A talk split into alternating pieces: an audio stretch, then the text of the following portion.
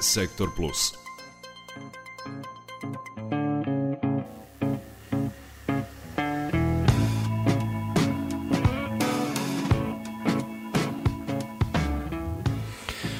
Temperature u Vojvodini se kreću u rasponu od 17 do 19 stepeni. Danas bi smo mogli još koji stepen gore, ali o tome ćemo detaljnije govoriti kasnije sa meteorologom Iodragom Stojanovićem, a sada predstavljamo organizacije civilnog društva sa njihovim aktuelnim e, projektima.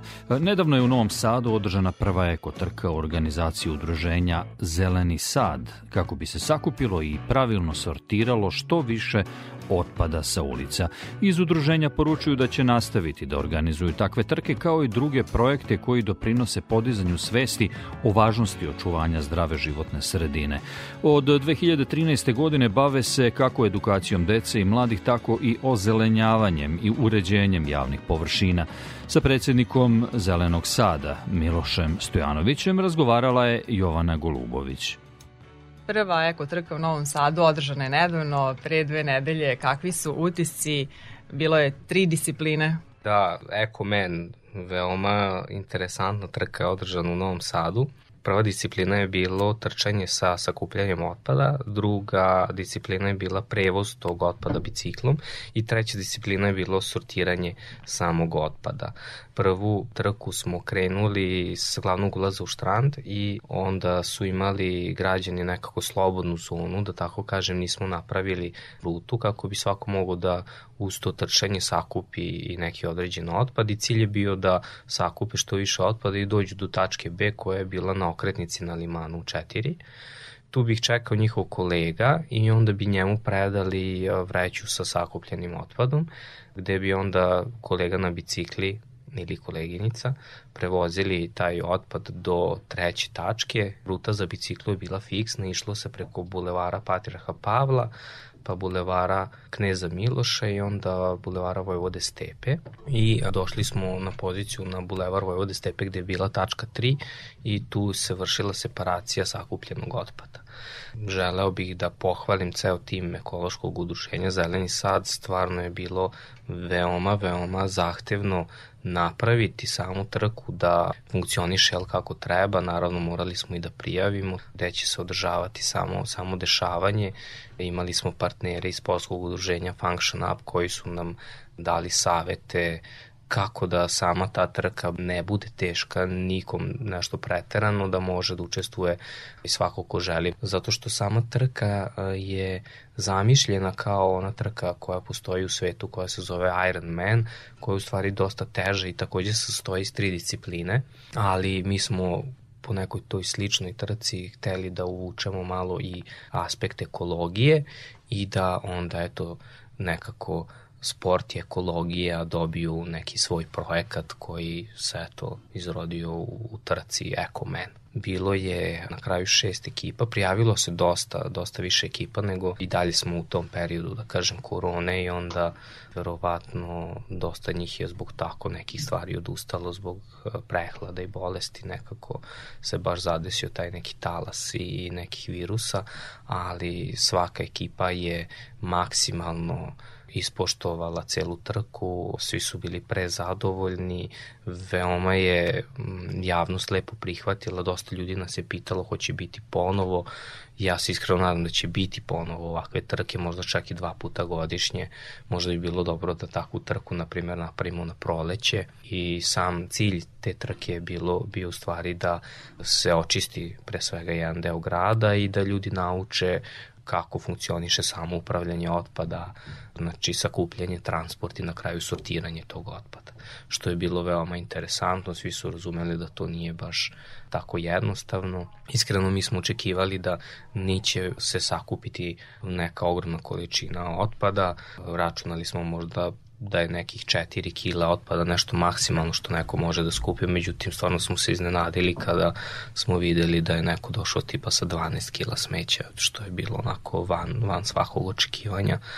Ne znam kako su to uspeli uopšte da prevezu, tako da imamo dosta materijala za unapređivanje za sledeću godinu i mislim da ako budemo realizovali, a hoćemo, ovu trku sledeće godine, da će da bude još bolje organizovana i da će uh, još više ljudi učestvovati. Takođe, same nagrade su bile sjajne i onako prilagođene ekologiji. Za prva dva mesta smo imali, naravno, za celu ekipu boravak u Zasavici u prirodi i treća nagrada je bila sportska oprema za tu ekipu koja je bila na trećem mestu. Želeo bih samo da se zahvalim gradskoj čistoći koja nam je omogućila da realizujemo uspešno ovaj projekat i izašla nam u susret sa kontejnerima gde smo mogli da, se, da vršimo separaciju otpada. Projekat je financiran od strane sekretarijata za omladinu i sport. Takođe, veliko hvala IT firmi Invigo koja je učestvovala u nagradama za pobednike i Rotary klubu Neoplanta koji je takođe učestvovao u nagradi za, za naše takmičare. Eko Bojanka je jedan projekat koji realizujete dugo godina za, za najmlađe, ponovo ga pokrećete, o čemu je zapravo reč? Eko Bojanka je jedan sjajan projekat uh, koji se već evo proteže sedmu godinu. To je u pitanju Bojanka od recikliranog papira koja ima za nameru da edukuje naše mališane, znači prvi, drugi razred osnovne škole. Svaka ekobanka ima neku neku svoju temu, da tako kažem. Na primjer, prva ekobanka koju smo radili je imala za temu reciklažu, pa onda druga biodiverzitet, pa imamo ekobanku koja objašnjava put medonosne pčele, imamo ekobanku praistoriju gde pričamo o izumrlim vrstama, imamo budućnost gde smo prognozirali koje, na primjer, vrste bi mogle da izumru ukoliko čovečanstvo nešto ne uradi po tom pitanju ne potrudi se jel, da sačuva maksimalno postojeći biodiverzitet i postojeće vrste, jel tako. Tako da uh, Eko Boanka je jedan jako lep projekat, uh, deci se veoma sviđa, svake godine pitaju hoće biti opet, hoće biti mm -hmm. opet.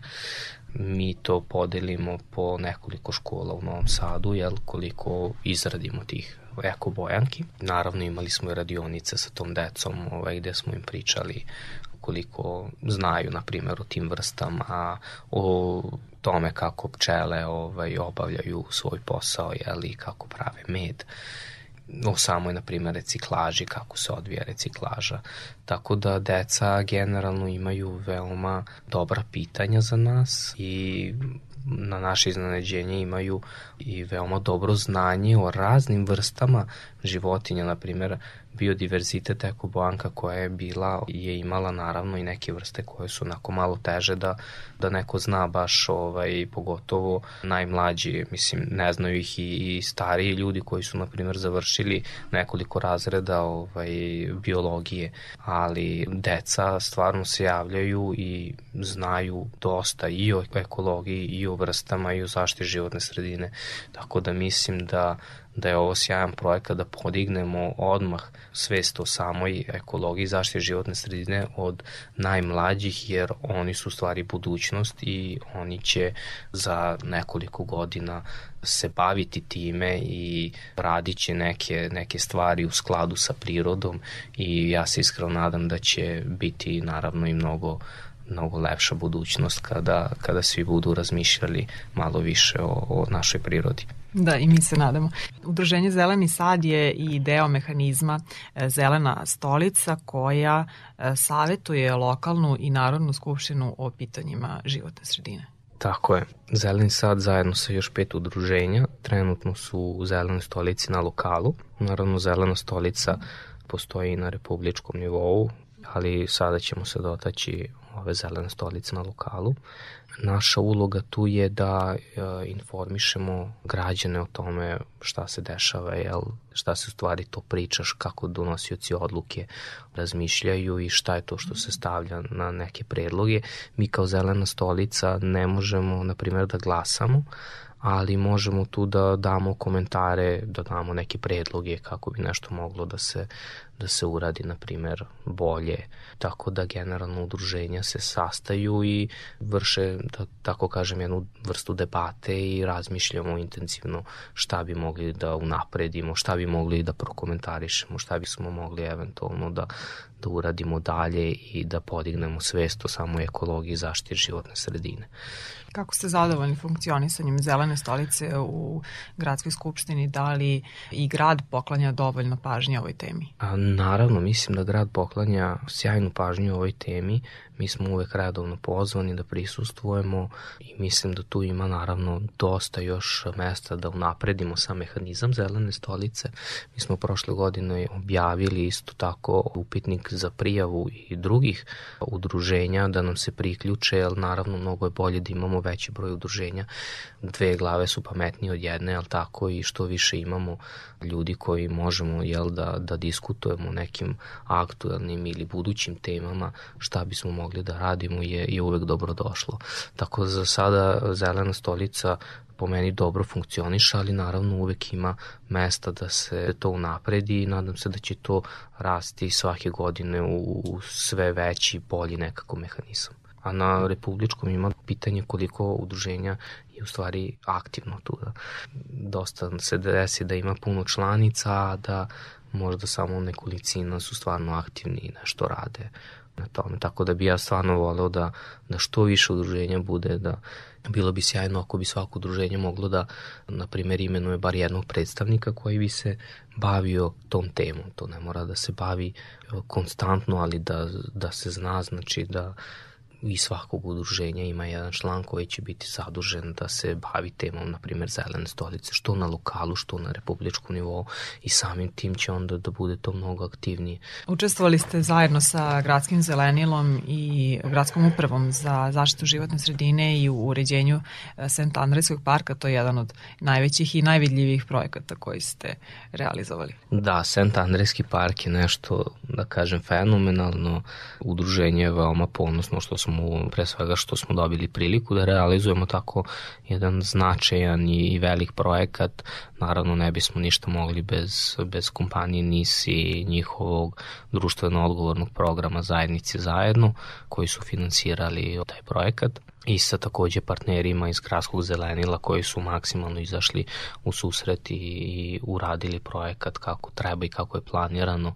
Posadili smo razne biljke, posadili smo travu, zelenili smo ogromnu površinu, stvarno to je ranije bilo onako dosta zapušteno, što najgore dosta su se ljudi parkirali ovaj, koji idu na najlon tamo, pa to je bilo haos, mislim, sve, more automobila je bilo, tako da smo stavili tu i ogradu, napravili smo zanimljivo zanimljive sadržaje, teren za basket, teren za futbal, deči igralište, teretanu na otvorenom i za starije. Sam projekat je onako od velikog značaja za za lokalnu zajednicu i mislim da je veoma lepo i prihvaćen takođe jer ljudi već kad smo krenuli sa nekim radovima su bili oduševljeni, dolazili su tu pa su čak donosili komšije donosile majstorima tamo ovaj, kafe i piće, jel, svi su bili srećni što se nešto realizuje u njihovom kvartu, jel tako.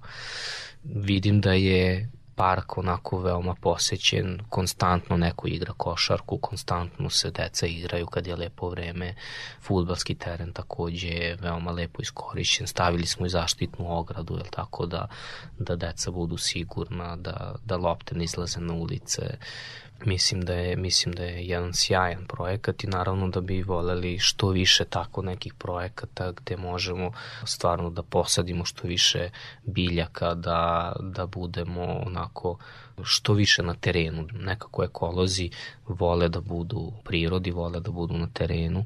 Mi živimo u Novom Sadu, to je urbana sredina, ali želimo da imamo tako aktivnosti na terenu i u prirodi, tako da mislim da je neki plan za naredne godine da se fokusiramo na, na takve neke projekte.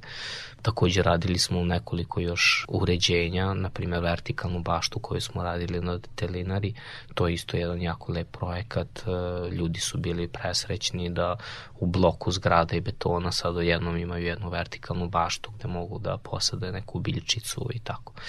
Takođe naša oaza Šodroš, jedan od sjajnih projekata koji smo uradili, mesto gde mogu da se odmore ljudi koji idu na Ribarsko ostrovo, na primer, jer tu od dužine, znači od limana pa skroz do tamo nigde nije bilo da čovek sedne, da se možda odmori, nije bilo kanti za smeće, pa smo u okviru tog projekta, znači posadili smo 20 novih biljaka, to mislim na, na drveće i takođe cveće smo posadili u saksije, napravili smo kao jednu tendicu i klupicu da mogu ljudi da sednu i naravno stavili smo kante za smeće, tako da i to je jedan onako sjajan projekat, da kažem, nekog urbanog uređenja.